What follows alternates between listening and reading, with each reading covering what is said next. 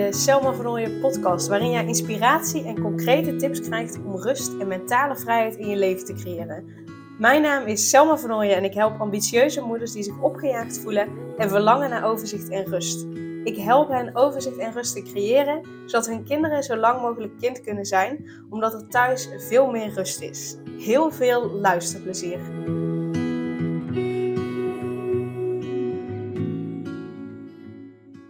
In deze aflevering ben ik in gesprek met Heske van S. Zij is business mentor en anders kijken expert. In deze aflevering bespreken we hoe je een makkelijker leven creëert voor jezelf met alle rollen die je hebt. Dus je rol als moeder, als partner, als ondernemer uh, of werkgever misschien wel, als dochter, als vriendin. Nou ja, alle rollen die je, die je maar kunt hebben. Uh, dat bespreken we en we bespreken hoe je dat dan met elkaar combineert, zodat je voor jezelf een makkelijker leven hebt die je op je eigen voorwaarden uh, creëert. Heske vertelt ook wat cruciaal is als je klanten, in ieder geval meer klanten aan wilt trekken. Uh, daarnaast vertelt ze hoe, heel openhartig over haar burn-out, hoe die is ontstaan en wat daarvoor heeft gezorgd dat ze daaruit is gekomen. En uh, ze deelt een hele waardevolle tip. Hoe je ervoor zorgt dat er minder strijd en vooral meer gezelligheid is aan de eettafel. Uh, en tot slot deelt ze ook heel openhartig over hoe zij het moederschap en het ondernemerschap met elkaar combineert. Waarin ik hoop dat je er inspiratie en motivatie uit mag halen dat niet alles perfect hoeft te zijn. Uh, Heske vertelt ook dat ze last had van het Miss Perfect uh, syndroom, dus dat alles perfect moest.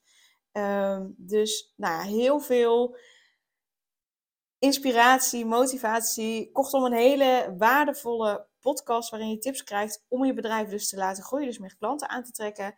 En tips krijgt om het moederschap en het ondernemerschap beter met elkaar te combineren. En volg Heske op Instagram onder haar eigen naam Heske van S. Ze is ook op meerdere platformen te vinden onder haar eigen naam. Dus daarin kun je haar ook opzoeken op, op Facebook, op TikTok zit ze. Um, de link in ieder geval naar Instagram staat ook in de show notes. Daarin kun je ook zien hoe je haar naam schrijft. Zodat je de juiste Heske van S vindt. En um, Heske heeft een podcast, Makkelijker Leven podcast. En uh, ook die link, die staat er. Kun je lekker naar luisteren. En dan uh, ja, wens ik je heel veel luisterplezier.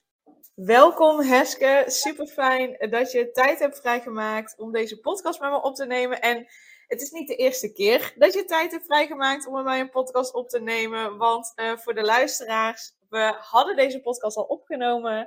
We waren alle twee echt super blij met de podcast. En toen kwam ik erachter dat het systeem het op de een of andere manier niet had opgeslagen. Nou, ik vond het echt heel vreselijk. Want dan denk ik, oh, ik heb Heskes tijd gevraagd, gebruikt. En dan is het er niet meer. Dus uh, extra dankjewel Heske uh, dat je nog een keer de podcast wil opnemen. En ik wil het wel graag delen, zodat jij als, als nou ja, moeder, ken je een beetje, die alles perfect wil doen, dat het voor mij ook niet perfect gaat. Dat, nou ja, in dit geval de techniek daar iets mis mee is gegaan. Um, maar ook dat je weet dat we gewoon even extra dankjewel zeggen tegen Heske. Dat ze nog extra tijd vrijmaakt. Dus dankjewel. Alsjeblieft, lieve Selma. En uh, dankjewel dat ik te gast mag zijn in jouw podcast. Ja, graag gedaan. Ja, ik, ik weet hoe het op de vorige was. Dus we gaan gewoon de, de vorige podcast gewoon overtreffen. Dat, dat kan niet anders. Ja, nee, um, maar dan beginnen we wel weer even opnieuw. Zou je jezelf eerst eventjes willen voorstellen? Zeker. Nou, mijn naam is Heske. Ik woon samen met mijn partner en twee kinderen in Eindhoven. Ik uh, ben uh, ondernemer, uh, moeder, huishoudster, um, boekhouder, administrateur. Alles ben ik. Ik heb heel veel rollen. Um, maar dat heb je als je een eigen bedrijf hebt. En daar gaan we vandaag verder op in. Ik help in ieder geval ondernemende vrouwen om het makkelijker te maken. Om al die rollen die je hebt um, ja, makkelijker te laten lopen voor jezelf, in je bedrijf, zodat je ook jezelf niet vergeet.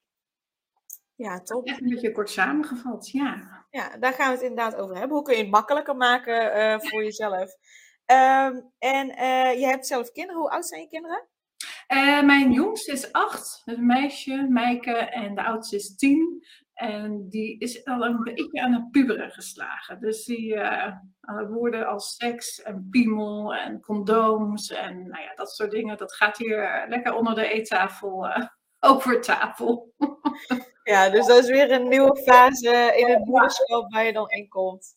Ja, ja, ja, ja, zeker. En dan, dan is het ook wel eens dat je denkt van, mag het nu even, even een keer niet over seks gaan, zeg maar. Maar dat, dat is dan toch, ja, hij hoort er dan toch op school en dan moet het toch gewoon nog even besproken worden thuis.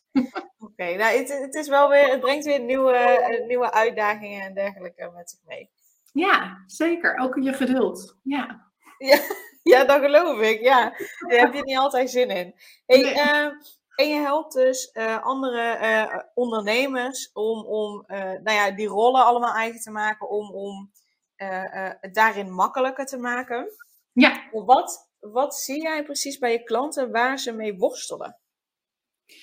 Um, ja, het, het, punt is vooral dat de klanten er tegenaan lopen ehm, dat ze heel veel willen uh, dus ze willen meer klanten, ze willen meer zichtbaar zijn, ze willen meer. Ja, ze willen meer. Uh, maar aan de andere kant is het aan de andere kant niet goed geregeld. Dus of de relatie met de partner mag meer aandacht, of de relatie met de kinderen uh, mag meer aandacht, of juist voor hunzelf. Hè? Want dan loopt het bedrijf goed, maar dan uh, hebben ze geen tijd voor zichzelf ingepland en dan gaan ze ook in het weekend uh, lekker door. Dus er ergens mist er een soort van balans tussen, zoals ik het eigenlijk altijd zie, is tijd, geld en energie. Dus waar stop je wel je tijd in als je heel veel tijd hebt? Ja, dan gaat er iets niet goed in de energie of heb je te weinig klanten, zeg maar. Dan stroomt het niet op, op klantniveau, op geldniveau. Als je weer te veel geld hebt uh, en te weinig tijd, dan zit daar weer een disbalans in. Dus het zijn een beetje kijken van ja, waar, waar zit het in? Waardoor dat je lage energie hebt, want dat is meestal wel de uitkomst. Um, dat er in die andere twee iets niet goed gaat, om het zo maar even te zeggen. En dat uitzicht dan in het energiestuk, dus een lage energie bijvoorbeeld? Ja, lage energie, uh, maar ook een vol hoofd. Uh, veel willen, veel moeten, veel zichzelf opleggen. En daarnaast ook uh, het stukje te weinig uitdaging opzoeken. Dus het is en-en. Het is niet alleen grenzen verleggen, zeg maar, voor jezelf. Dus dat je te veel grenzen overheen gaat, zodat je te veel aan het doen bent. Maar ook meer je grenzen um, stellen. Dus ja, dit doe ik wel, dit doe ik niet. Uh, en dat geldt in elk opzicht, van relatie tot aan huishouden, tot aan in je bedrijf, tot aan naar je klanten toe. Dus dat zijn, weet je, daar worstel iedereen mee. En ik zeg niet dat ik de heilige ben, uh, maar ik kan juist wel de ander daar juist mee helpen door alle ervaringen die ik daarin heb opgedaan. Ja. Dus, dus als ik het goed begrijp, zijn bij jou zeg maar, de drie pijlers waar je naar kijkt: tijd, energie en, en geld. En daarbij dus ook, hoe gaat het met klanten aantrekken, dat soort dingen. Ja. ja. Want, wat is jouw visie daarop? Op die, die drie pijlers? Uh, dat het nooit in balans is. Mooi. Dus dat het nooit perfect gaat zijn. Dat het nooit zo gaat zijn zoals jij wil dat het in je hoofd gaat zijn. En je mag gaan leren om daarmee om te gaan dat het niet perfect is. En dat je altijd mag laveren om te kijken van waar mag ik tijd en geld en energie aan uitgeven. En dat je mag omarmen dat het dus niet uh, perfect is en perfect hoeft. En weet je, ik ben Miss Perfect. Uh, uh, die hadden we de vorige keer ook trouwens, bedenk ik me. Mijn Miss Perfect syndroom is natuurlijk al lange tijd geleden ontstaan. Doordat ik wilde dat altijd alles gebeurde zoals ik vond dat het moest gaan gebeuren. Ja. ja. en daar ben ik heel hard tegen de lamp aangelopen, omdat ik dat uh, Miss Perfect syndroom uh, heb en nog steeds heb. Maar inmiddels ga ik er wel anders mee om. Ja, wat, wat heeft jou daarin geholpen om het, om het anders te gaan doen? Um, nou ja, uh, keihard een burn-out krijgen. Dus ik zal even kort vertellen wat er gebeurde, waardoor dat ik een burn-out kreeg. En um, nou ja, dat, dat, begon al waarschijnlijk vanaf toen ik een uh, jaar of drie, vier was. Uh, middelste kind.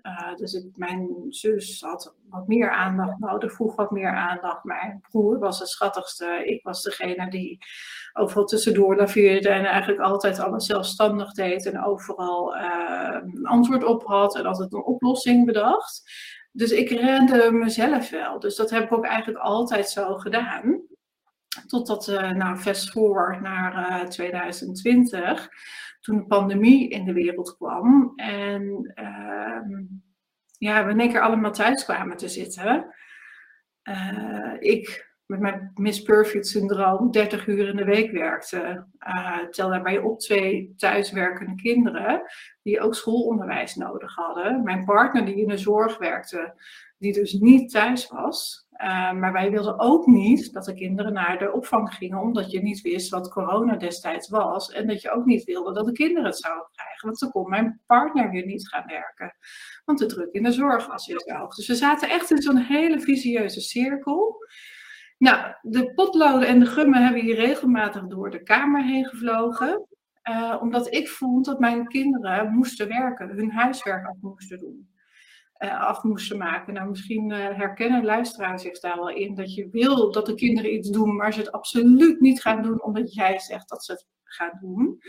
En uh, nou ja, uiteindelijk enkele maanden later bleef zo doorgaan. Hè? Dus het, het, ging een beetje op en af. En ik post allemaal foto's. Dat ik allemaal mooie kaarten, cakejes aan de bakken was met mijn kinderen. En ondertussen gebeurde er hier van vloog hier inderdaad de potloden door de, door de kamer. Dus aan de buitenkant liet ik zien dat het ja, eigenlijk hartstikke goed ging hier in huis. En daadwerkelijk ging het dus niet goed in huis. En um, tot op een gegeven moment wat meer rust kwam, uh, want de kinderen gingen weer naar school. En op een gegeven moment mochten we ook weer afgesproken worden. En nou ja, op een gegeven moment ging hier de voordeur, want, uh, voordeurbel, want mijn zoon uh, had afgesproken met zijn beste vriend. En hij rent naar de voordeur toe. En we woonden hier net een paar maanden. En er zat een, zit een glazen deur, inmiddels dubbel glas. Maar hij vliegt door die glazen deur heen met zijn arm. Ik heb 1 en 2 moeten bellen. Nou ja, weet je, inmiddels is het oké met hem. Hij heeft een flinke wond, of in ieder geval flink litteken. De wond is het niet meer. Uh, maar flink litteken eraan overgehouden. En uh, ja, voor mij vielen daarna eigenlijk alle ballen op de grond. Althans, na een paar weken, want ik wilde het nog niet echt aan. Ja. Dus, dus zeg maar, het voorval met je zoon, wat, wat super heftig is, lijkt mij ja. is uh, niet de enige oorzaak geweest, maar uiteindelijk na een paar weken wel de aanleiding geweest van oké, okay, dit moet anders, dit gaat ja. niet meer. Ja. En uh, ben je dus, heb je je toegegeven aan de burn-out? Want ik wil zeggen, heb je een burn-out gekregen, maar goed, die sluimen natuurlijk al langer. Ik wist, ik wist pas nadat ik drie maanden thuis zat dat ik een burn-out had. Tot, doordat iemand anders tegen me zei, de praktijk ondersteunen van de huisarts, dat ik een burn-out had. Ik wist het daarvoor niet eens. Ik had er nog geen woorden aan gegeven. Ik wist alleen dat ik ontzettend met mezelf in de knoop zat. Dat ik alleen maar kon huilen. Uh, dat ik alleen maar kon bewegen. En dat ik alleen maar de aandacht had voor de kinderen. En aan het opruimen was geslagen. Maar, en in beweging was. Maar verder deed ik eigenlijk helemaal niks. Ja, want op, op welke manier uit het zich dan? Hè? Onder andere nou, dat je eigenlijk alleen maar met deze dingen die je net noemde bezig kon zijn. Ja. Waren er nog meer manieren waarop die burn-out zich uitte? Um, ja, mijn lichaam hield er eigenlijk een beetje mee op in zoverre dat het het was alleen maar moe. Uh, ik kon alleen maar slapen. Ik kon overdag ook, als mijn partner dan thuis was, die het ook hartstikke zwaar had natuurlijk, en in het ziekenhuis uh, mensen dood zag gaan uh, onder zijn handen. Ehm, was het natuurlijk voor mij dat ik gewoon overdag ging slapen. En als ik dan om twaalf uur in bed lag, me uit mijn bed moest halen, trekken om om twee uur de kinderen uit school te halen. Dus het was echt een. Um, Weet je, nu kijk ik erop terug dat ik denk van ja, weet je, dit is echt nodig geweest om te staan waar ik nu sta. Uh, om echt gewoon flink tegen die lamp aan te lopen. Alleen is het zo zonde dat ik het gewoon niet eerder in de gaten heb gehad. Dus ik hoop voor degene die dit hoort en luistert, Ehm, al is er maar één iemand, hè, dat is volgens mij ook jouw insteek. Eh, al is er maar één iemand die hoort van, ach, ik loop zo met mezelf in de knoop, zoek hulp. Want het is, het is, je, weet je, het is ontzettend, ehm, ja, hoe zeg je dat? Het is ontzettend krachtig om hulp te vragen. En ik heb nooit hulp gevraagd. Ik heb nooit aan iemand anders gezegd hoe het daadwerkelijk aan de achterkant uh, in elkaar zat. Uh, en mijn partner wist het natuurlijk wel, maar die had ik al zo overroeld met al mijn uh, overtuigingen dat hij niet eens een weerwoord meer gaf. Inmiddels is dat wel anders hoor, maar weet je, dat, dat, um, ik was zo dominant aanwezig uh, deze podcast was nog mooier dan de vorige, bedenk ik me. Maar ik was zo dominant aanwezig dat, dat, dat niemand meer iets durfde te zeggen tegen mij. Ja. Althans, voordat ik echt in de, in de shit zat, zeg maar, om het zo maar even te zeggen. Ja. Ja, ja dat, is, dat is, tenminste dat is ook wat ik zie bij mijn klanten, is dat ze zich zo sterk voordoen. En ze zijn super sterk, hè. Ze, ze kunnen zoveel dragen, alleen ja, dat gaat op een gegeven moment maar tot een bepaald punt. Want op een gegeven moment is je energie gewoon op, is, is je geduld op. Dus dan kun je er niks meer bij hebben. En ja, geloof dat je eigenlijk nog, dat je nog sterker, nog krachtiger bent op het moment dat je aan kunt geven, joh, het gaat niet meer. Ik kan het niet meer alleen. Help me alsjeblieft. Ik kan het niet meer alleen. Ja. En, en, en, en, en kies iemand, uh, als je hulp vraagt, uh, kies iemand die een spiegel voor kan houden.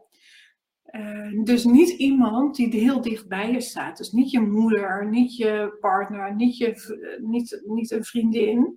Want daar krijg je geen eerlijke spiegel van. die gaan alleen maar met je meedenken. Die gaan alleen maar, oh wat ben je toch zielig. Oh je hebt het zo zwaar. En daar heb je geen ene reet aan. Echt niet. Sorry. en wat, wat heeft jou dus uiteindelijk dan geholpen om uit die burn-out te komen? Nou, dat was wel iemand die dichtbij me stond, maar wel iemand die. Uh, het was mijn tante, uh, waar ik ook mee ging wandelen en die mindfulness uh, toepaste. Terwijl, dat ik hè, terwijl dat we aan het wandelen waren, liet ze mij een oefening doen. Eh, en toen dacht ik van, wow, wat overkomt me nu? Midden op het bospad, ik in tranen huilend. En uh, liep allemaal mensen om me heen. En het maakte me dus echt helemaal niks uit. Maar ik dacht wel echt van, ja, maar dit, dit is wat ik fijn vind. En toen uiteindelijk ben ik met haar, zeg maar, elke week gaan werken. En ik wist bij god niet wat mijn tante deed. Hè. Ik kwam er helemaal niet in verdiept, maar ik wist wel dat ik er meer van wilde. En gaandeweg kwam ik er natuurlijk achter wat het precies inhield. Um, en wat maakt dat ik eigenlijk nu ook Ehm, nog steeds, twee jaar later, ja, eigenlijk de dingen doe die ik doe. En die me dus gewoon helpen, ook in drukke tijden, uh, het anders te zien. En, en, en wat, wat houdt het voor jou precies in? Nou, ik zal je zeggen, ik heb uh, zo meteen, uh, zojuist, voordat ik hier met jou in de podcast ging, heb ik lekker gedanst.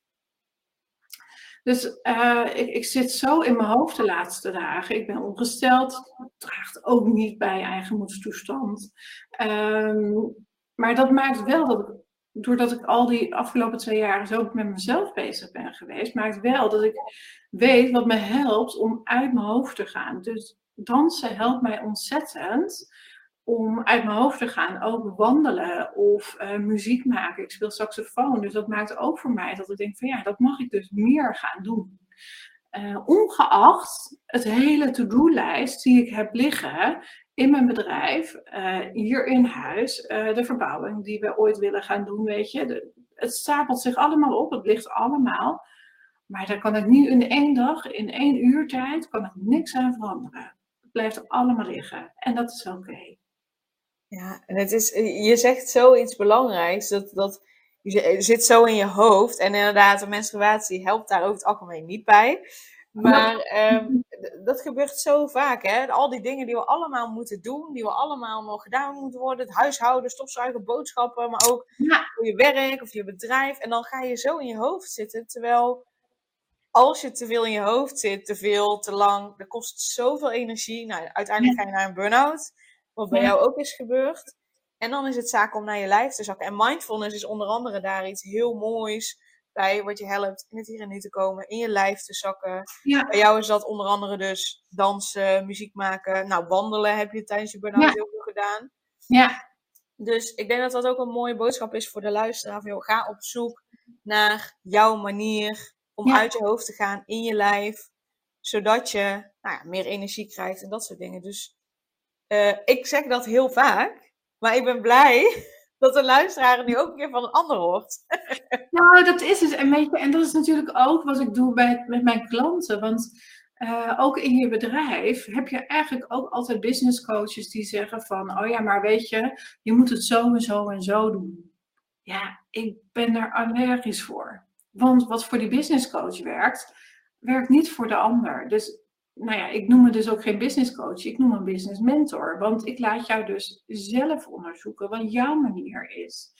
En van de week ook had ik, eh, ik heb een business boost club, zeg maar, op maandag, wat we elke ochtend starten. Zo van, ja, wat, waar loop je tegenaan? Waar ben je mee bezig? En, en ook dus die stukjes van tijd, eh, tijd, geld en energie. En er was dus iemand die een week gedaan heeft over een Instagram post. Ik vind dat zo jammer. Ik zeg tegen haar, ik zeg, ja, maar lieve schat, ik zeg, hoe ben je daarmee bezig gegaan? Ik zeg, wat heb je gedaan? Ja, ik ben achter de computer gaan zitten. En ehm, het kwam niet. Ik zeg, nee. Ik zeg, dat werkt ook niet op die manier. Voor jou, schijnbaar. Dus wat werkt er wel? Wanneer ga je uit je hoofd? Waar word je blij van? Waar word je vrolijk van?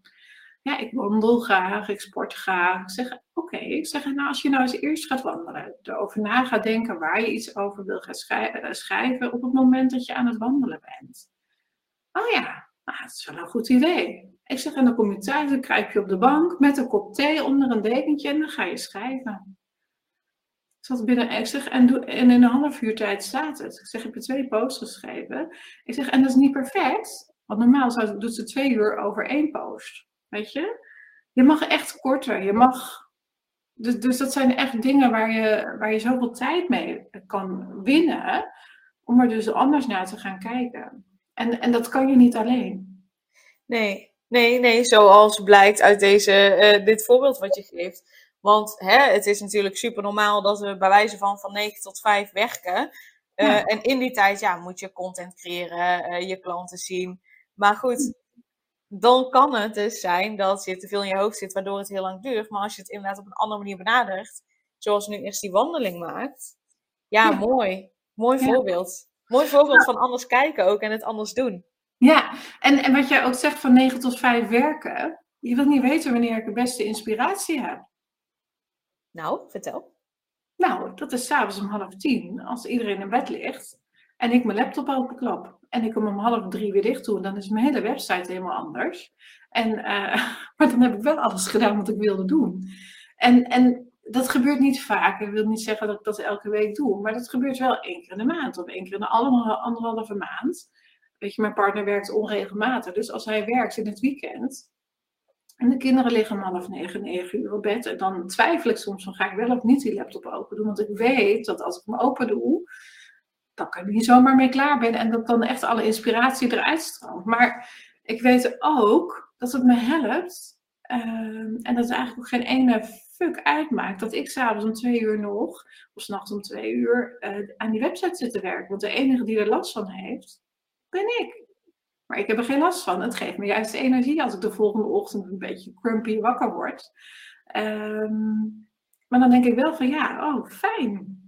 Lekker. Ook weer van mijn to-do-lijst af. Ja, ja je, je mag het, de boodschap die ik hier- hierin hoor is: je mag buiten die gebaande kaders denken en niet alleen maar het moet zo of het gaat zo. Voor mij zou het echt, voor mij zou het niet werken, want ik zou echt, eh, nou ja, ik heb mijn slaap zeg maar wel echt nodig. Ik ook hoor. Eh. Mijn partner en mijn kinderen. Maar Ja.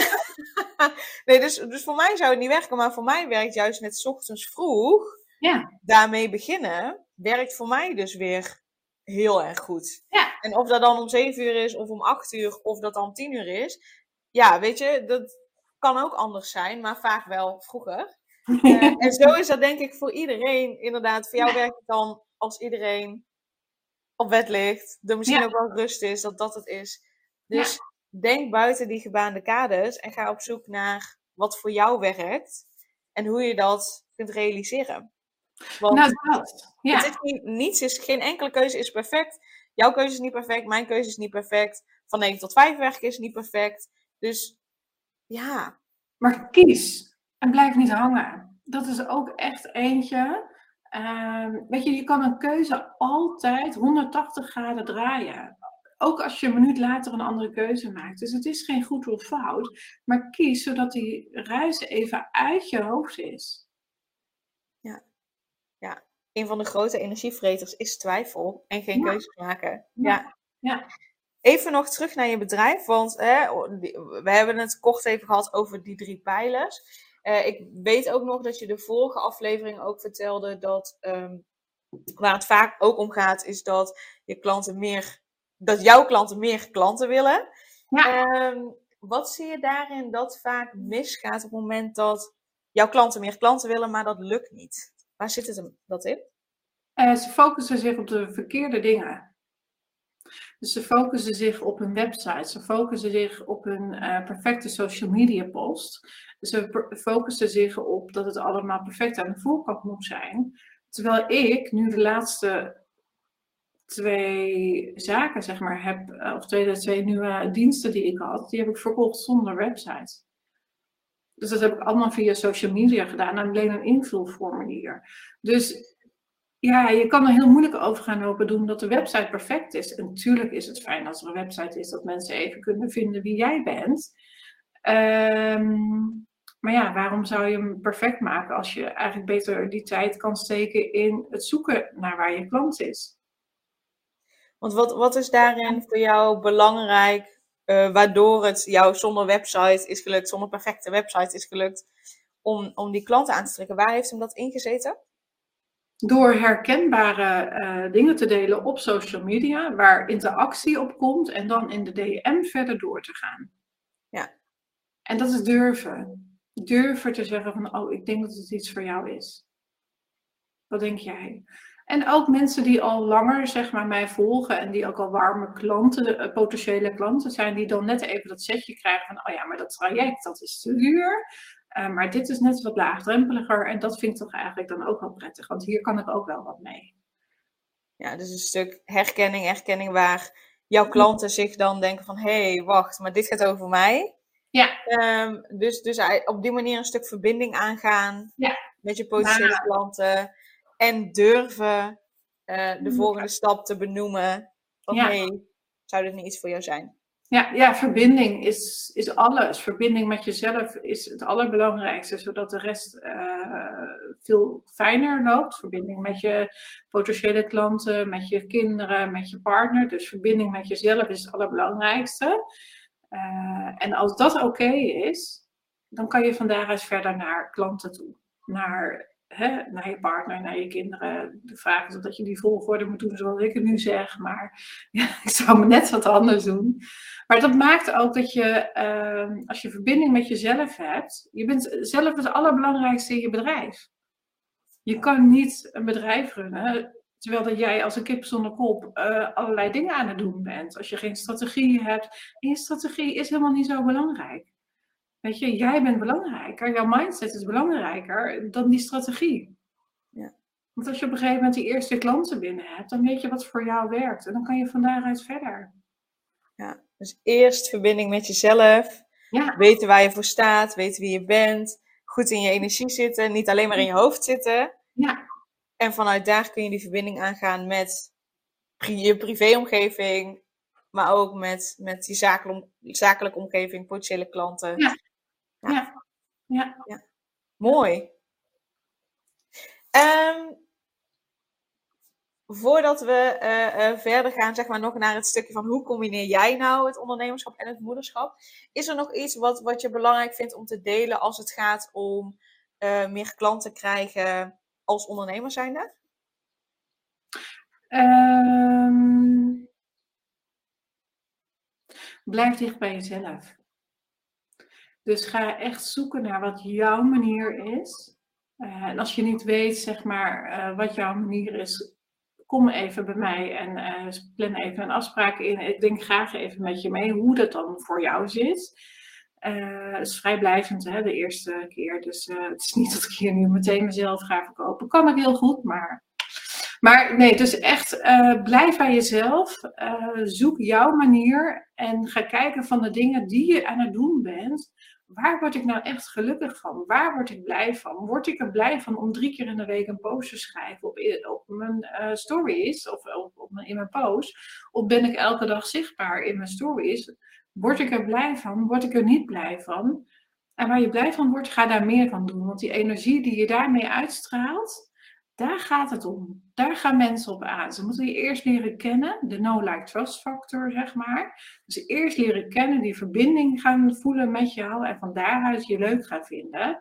En als dat stukje werkt, hè, dus die verbinding met jezelf, verbinding naar de ander toe, dan kan jij gaan verkopen. Dan kan jij zeg maar echt die klanten aan gaan trekken. Maar dat eerste stukje is het allerbelangrijkste. En daarom zit ik natuurlijk ook hier in de podcast Weet je, het, het, is, het is gewoon fijn überhaupt dat wij met z'n tweeën al contact hebben daarin. Dus je leert ook weer iemand anders uit, uh, iemand anders te kennen. En zo kom je ook weer in andere groepen. Dus ik vind het fijn om te kletsen, om te praten, om te vertellen wat mijn missie is. En wat vind jij fijn? Is dat een vraag aan mij of bedoel je voor de klant? en eh, voor de luisteraar? Beide voor beide. Want nu ben ik wel benieuwd wat jij ervan vindt. Ja, nee, nou, ik ben het daarin wel echt met jou eens. Doe uh, nou sowieso die verbinding met jezelf. Want anders dan ben je niet jezelf. En dan kunnen mensen ook gewoon niet ja, aangaan op, op wie jij bent en waar jij voor staat. Dus dat sowieso. Maar ook inderdaad dat je doet waar je blij van wordt. Ik heb zo lang uh, ben ik met Instagram bezig geweest. Want ik dacht, ja, Instagram is de manier om klanten te krijgen. ik vond het helemaal niet leuk. Ik vind podcasten dat vind ik echt het allerleukste om te doen. Dus ik merk ook dat, um, dat mensen ook vanuit mijn podcast, nou vaak komen ze vanuit mijn podcast in mijn funnel, vind ik ook heel leuk om daar mails voor te schrijven en daarmee bezig te zijn, dat verder te verbeteren.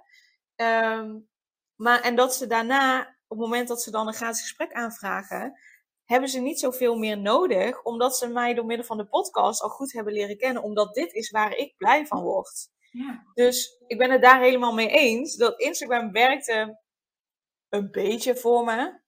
Ja. Maar ik werk dat, ja, podcasten werkt veel beter voor me, omdat ik daar veel blijer van word. En dus mijn ei daarin veel beter kwijt kan. En mensen mij veel beter leren kennen. Dus ja. Ik, ja, ik ben het daar echt helemaal mee eens. Doe wat bij jou past. Doe waar jij blij van wordt. Ga daar meer van doen. Zorg dat je daar beter in wordt. En maak het je makkelijk. Dat ook. Want ehm, weet je, als je toch een reel plaatst op Instagram, zet hem ook op Facebook en op TikTok. Weet je? Het kan allemaal hetzelfde zijn, alleen bereik je daar net weer wat andere mensen mee. Ja, ja, ja zeker. Makkelijker leven, hè? Ja. En nog uh, het laatste stukje wat ik nog graag met je wil bespreken, want je bent natuurlijk ook moeder. Hoe combineer jij nou het moederschap en het ondernemerschap met elkaar? Um, ja, dat is zorgen dat je alle ballen uh, af en toe ook een keer neerlegt.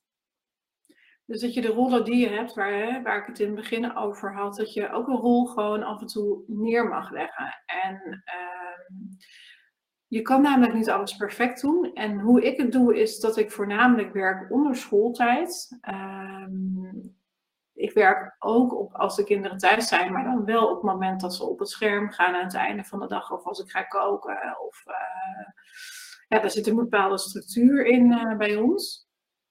En um, het allerbelangrijkste is dat je ook de verbinding met je kinderen en je partner daarin uh, fijn houdt. En dat je open bespreekt ook op het moment dat ik het had bijvoorbeeld de afgelopen twee, drie weken had ik best druk. Nou, weet je, ik had het niet zo goed gepland. Laat het daarop houden. Ik moet even, om niet in detail te treden.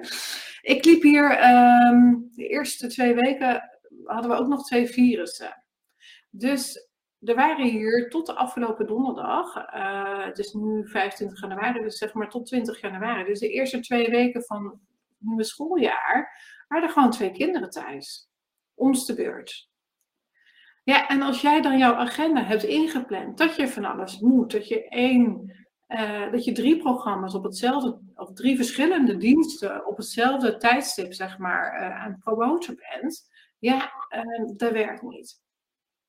In zoverre, ik heb een aantal dingen dus niet kunnen doen, die ik wel heel graag wel had willen doen. En waardoor dat die lanceringen dus eigenlijk niet goed zijn verlopen in zoverre dat er uh, weet je, het, was oké, hè? Het was oké zoals het was. Uh, maar ik denk dat als ik het anders had gepland, of als ik het anders had aangevlogen, en als de kinderen misschien niet ziek waren geweest, had ik er meer uit kunnen halen. Maar daar heb ik weer van geleerd. Dus ik plan het niet meer op die manier. Dus mijn agenda is voor de komende maanden alweer ingepland. Uh, dus plannen ook al wil ik er niet aan, het helpt wel. Dus Plannen, afspraken maken. Ja. ja. De kinderen erbij betrekken op het moment dat je druk hebt. Dat je zegt van ja jongens, kom op. Jullie mogen best even nu uh, lullig doen. Hè, want toen zijn ze ook gewoon niet zo leuk. Um, maar mama wordt hier wel chagrijnig van, dus je mag kiezen. Wat gaan we doen? Gaan jullie lekker door? Of kiezen we ervoor om het even gezellig te maken en dan weer uh, van daaruit weer verder? Dus ook daarin mag ik dus ook nog steeds stappen maken om te zeggen van oké, ik voel me nu een beetje chagrijnig. Um, wat heb ik nu nodig om te zorgen dat ik toch die verbinding met de kinderen weer aan kan gaan, zodat zij weer gezien en gehoord voelen. Um, en ook met mijn partner, ieder idem dito. Hè? Maar voornamelijk denk ik dat de kinderen op dit moment uh, belangrijk zijn. Um, om dan weer een stap te maken van, oh ja, oké, okay, ik mag hier zelf iets in veranderen. Naar de kinderen toe, zodat het gezelliger wordt. Ja, en daarin ook dus een stukje eerlijkheid, zoals ik benoem van, joh, mama die wordt er chagrijnig van. Ja dit is hoe we het gaan doen. En daarin heb je twee keuzes of drie keuzes. Ja, ja. Ja, en vraag, vraag ik ook aan zezelf van, uh, weet je, ze zijn 8 en 10, hè? dat is anders als je 2 en 4 hebt, dan kan je ze natuurlijk niet zo goed overleggen. Dan ligt dus vooral de bal bij jezelf. Uh, maar ook dan kan je ze er wel in meenemen, want op zich krijgt ze natuurlijk al heel veel mee. Maar je mag dus echt gewoon gaan ja, open en eerlijk zijn over hoe jij je voelt. En ze weten dat als ik bijna ongesteld word of ongesteld ben, dat ik gewoon niet zo gezellig ben. En dat ik dus ook meer, zeg maar, in mezelf kruip, uh, ongeacht welke afspraken er ook staan. Dan weten ze ook dat ze gewoon ja, daar rekening mee mogen houden ergens. En weet je, ja, dat zijn weer innerlijke kinderen die over een aantal jaren weer opgelost moeten worden. Maar ja, dat heb ik ook. ongoing process. Dus ik kan wel proberen om te zorgen dat zij er niet zoveel van meekrijgen. Maar daar heb ik mezelf alleen maar mee. Ja, en, en ik, ik denk dat je daarin dan ook geen eerlijk beeld schept. Want het beeld wat je dan, vind ik, ook weer meegeeft, is... Dan ga je weer terug naar, dat Miss Perfect syndroom. Van het moet altijd alleen maar perfect zijn en alleen maar blij zijn en goed zijn. En we moeten alleen maar goed in ons vel zitten. Terwijl ik denk dat het belangrijk is dat je juist een eerlijk beeld geeft. Van joh, weet je, met mama gaat ook niet altijd goed. Mama heeft ook wel eens dat ze chagrijnig is of een dip heeft. Dat is helemaal oké. Ja. En samen kunnen we daarmee omgaan en weer, nou ja, er iets moois van maken. Of, dus ik denk juist dat het heel belangrijk is om eerlijk te zijn en te laten zien van, joh, weet je, met mij gaat het ook niet altijd goed. En dat is oké. Dus met jou mag het ook wel eens niet goed gaan. Nee, en ik vind wel een mooi voorbeeld, want het was, was uh, maandag en het is vandaag woensdag voor de luisteraars. Um, maar maandag ging het dus, ik was, dat was de eerste dag van mijn ongesteldheid. Nou, weet je, ik word daar niet zo vrolijk van. En um, mijn kinderen voelen dat dus haar fijn aan. En op dat moment, ze moesten naar school toe, ze hadden natuurlijk een lekker weekend gehad. Ze wilden niet uit bed komen, dus ja, weet je uh, mama, zoek het maar uit. Dus op een gegeven moment, mijn uh, level was al uh, naar oranje gegaan, mijn stoplicht. En bij de kinderen stond hij ook op oranje. Nou, dat was duidelijk te merken. Dus mijn dochter, die, die vindt het niet zo fijn. En dat heeft ze meegekregen de afgelopen jaren, dat ze niet op tijd op school komt. Want ik zat steeds over dat tijdstukje. En nu zeg ik steeds van, nee, je komt op tijd, er gebeurt niks, er is niks ernstigs. Maar dat zit nog in haar. Dus zij ging, uh, omdat mijn zoon nog in bed lag om kwart voor acht. En we moesten echt wel vijf over acht weg, want we gingen lopend naar school. Um, zij zat helemaal in haar verdriet van dat ze niet op tijd op school zou komen. Ondertussen was mijn zoon in de weerstand geschoten. Want uh, die was boos geworden omdat de hele tijd zijn naam aan het roepen was en dat hij de schuldige was. Hij pakt dat zo op. En er zal vast een hele grote kern van waarheid in zitten. Maar weet je. Dus uiteindelijk was het zo dat ik toch had besloten van nou we gaan met de auto. Dus mijn dochter was alweer meer gerustgesteld dat we iets meer tijd hadden. Um, maar mijn zoon die zei ja ik ga niet. Die zat met een uh, deken over zijn hoofd getrokken. En die dacht eerst maar ik ga echt niet naar school. En mijn dochter die zat al in de auto te wachten. En ik was ook al bijna aan het ontploffen. Dus op een gegeven moment, nou, wij zaten even vijf minuten rustig in de auto. Ik dacht even een beetje bekoelen. Even kijken van, nou ja, hoe kan ik hier nu, uh, omdat het al zo hoog opgelopen was, hoe kan ik het nu anders gaan doen? Dus uiteindelijk ben ik de auto uitgegaan. Ik ben naar hem toe gegaan. En toen ben ik eigenlijk gewoon iets gaan zeggen van, uh, ja, weet je, als je met de deken over je hoofd zit, ja, vind ik niet zo gezellig, ook kan niet zo tegen je praten. En uh, nou, hij was nog steeds boos. Dus op een gegeven moment zei hij, zei, nou weet je, zeg, je gaat gewoon naar school. Zeg, maar het maakt me niet uit hoe dat je gaat, maar je gaat naar school. Ik dacht, ik neem gewoon die beslissing. Jij hebt er verder niet zoveel over vertellen. Je gaat naar school. Maakt niet uit als we een kwartier te laat zijn. Jij gaat naar school. Jij mag aan de leraar uitleggen waarom dat je later bent. Weet je, hij mag dat ook leren. Hij is tien, hè, tien en een half, dus hij kan dat echt wel zelf uh, bepalen. Ik ga naar school, maar dan doe ik geen sokken en schoenen aan. Er lag hier nog sneeuw, hè? Ik zeg, prima, doe je geen schoenen uh, en sokken aan. Ik neem ook geen tas mee. En ondertussen had hij zijn brood al uit de broodtrommel gehaald, dus hij had er ook geen, nou ja, zo was de situatie.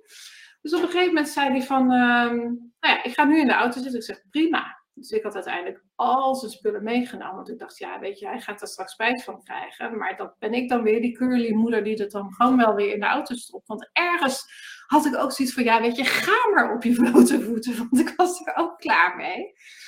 Dus uiteindelijk uh, zaten we in de auto en, dan luisteren we eigenlijk altijd een, uh, een, een ingesproken boek, zeg maar. Dit keer was van Grote Vriendelijke Reus van Roald Daal. En, um, en dan ontdooit hij wel. Dus op een gegeven moment waren we bij school, mijn dochter helemaal blij en die rende naar, naar binnen toe. En mijn zoon die zat daar nog, zonder sokken en schoenen aan, in de auto. Want hij was hier natuurlijk door het ijs heen gelopen naar de auto toe. Over het ijs heen. En um, ik zeg, ja, zeg, wat ga je doen? Mam, wil je me helpen met mijn sokken aandoen? Dus hij had gewoon echt even die tijd nodig om te bedenken van, oh ja, maar weet je, ik ben nu bij school. En dat gaat hem niet worden met sokken, zonder sokken en schoenen aan. Dus weet je, het was echt zo'n moment dat ik dacht van ja, weet je, zeg, ja, weet je, weet je wat we zaterdag gaan doen? Dus echt over iets anders gaan praten. Zo van, oh ja, dan gaan we naar de familiedag en dan kom je die en die tegen. En dan ondertussen sokken en zijn schoenen aan. Doe mam eens even wat strakker vastmaken. En hij was later in de klas en het was allemaal oké. En we hebben gewoon gedag gezegd. Maar op dat moment is het gewoon zo belangrijk dat je zelf gaat kijken, wat kan ik anders doen? Want hij gaat het niet, hij is te jong om dat, dat reptiele brein van hem, wat in de weerstand zit, om dat meteen te laten um, ontdooien, om het zo maar even te zeggen. Ja. Ja, je hebt er als ouder zijn inderdaad anders op te reageren. En omdat jij anders reageert, je energie anders is, gaat hij uiteindelijk daar ook in mee. Alleen daar heeft hij gewoon meer tijd nodig. Ja. nodig. Dus ja. dat is een mooi voorbeeld inderdaad van op het moment dat je het zelf anders aanvliegt. En logisch dat je als moeder zijn en denkt, ja, maar hij wil echt wel zometeen, als we bij school zijn, zijn spullen en zijn schoenen en zijn sokken. Dus ik neem het mee. Ik denk dat dat echt super logisch is. Ja, maar toch zat er een stemmetje dat zei van, laat het nou liggen, laat het nou liggen. Ja, en toch heb je het niet gedaan. Nee.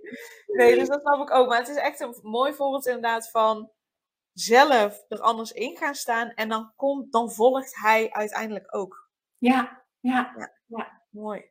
Ja, ja super dankjewel. Uh, uh, is er nog iets wat je graag uh, wil vertellen voordat we het gaan hebben over waar kunnen mensen jou het beste volgen? Wil je het nog hebben over dat, dat tafelmomentje? Oh ja, ja, daar had je de vorige keer inderdaad een mooie tip over. Over om strijd te voorkomen aan tafel en ervoor te zorgen dat er meer rust en gezelligheid is aan tafel. Ja, ja als je nog ja. wilt delen. Ja, ik wil hem nog wel even, ik zal het kort delen, niet zo uitgebreid. Want het, in principe komt het, het op hetzelfde neer. Toen ik zeg maar in die burn-out zat, was het nooit gezellig. Want ik had namelijk de lat hoog gelegd voor mezelf. Dat uh, altijd iedereen aan tafel moet blijven zitten. En mijn partner was daar al in gedraaid. Die zei van ja, laat ze, maar, maar gewoon aan tafel zitten. Maar ik had van vroeger uitgeleerd. Je blijft aan tafel zitten en je eet je bord leeg. Dat bord leeg eten, daar was ik al van afgestapt, want dat, dat werkt niet. Uh, daar was ik al achter. Maar dat aan tafel blijven zitten was wel een dingetje.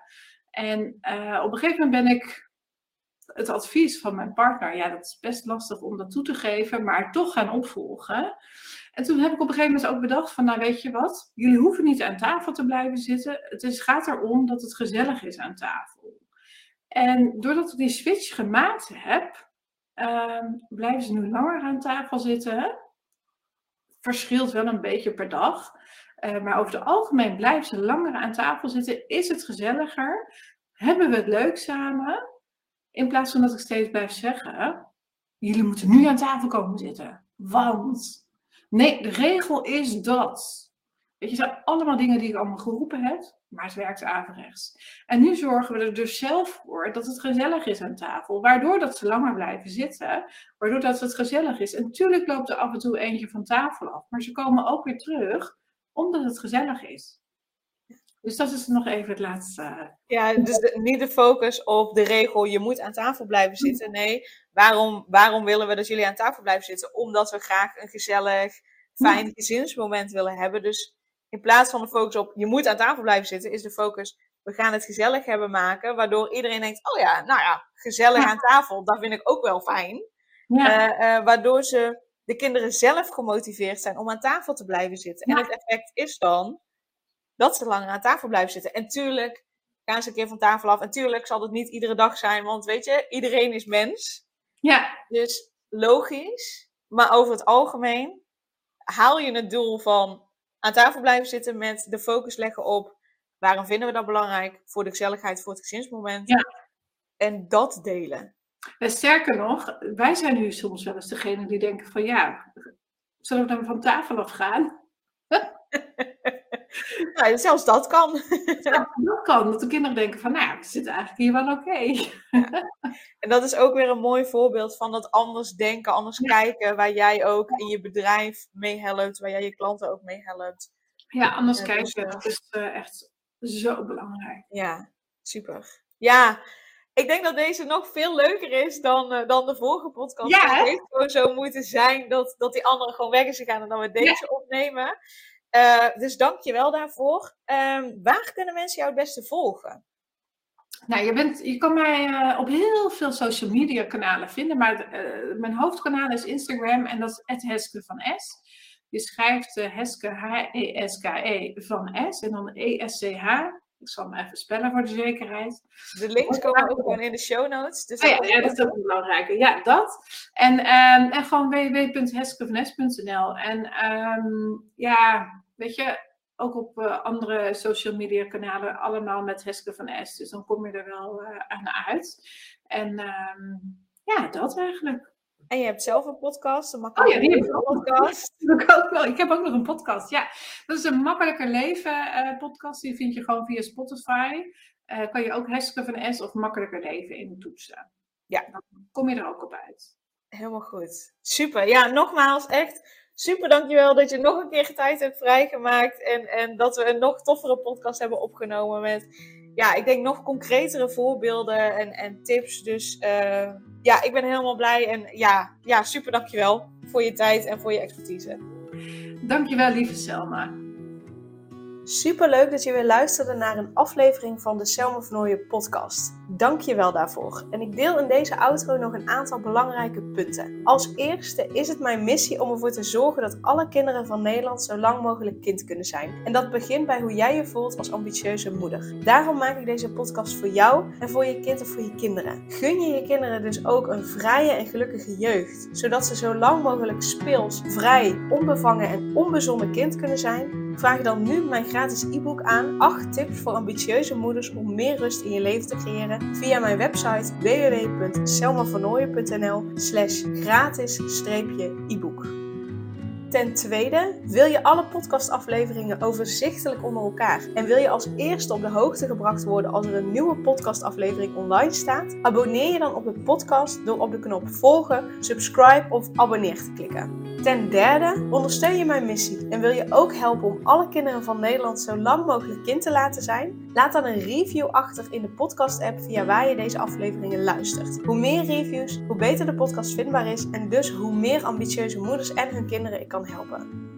En tot slot, ken je andere ambitieuze moeders voor wie deze podcast interessant zou zijn? Deel dan gerust een aflevering met hen of deel een screenshot van deze aflevering op je social media en tag mij daarin. Wil je mij een vraag stellen of contact met mij opnemen? Dan kan dat via info.selmavernooien.nl of via het Instagram account Selma Nogmaals, super dankjewel voor het luisteren en tot de volgende keer.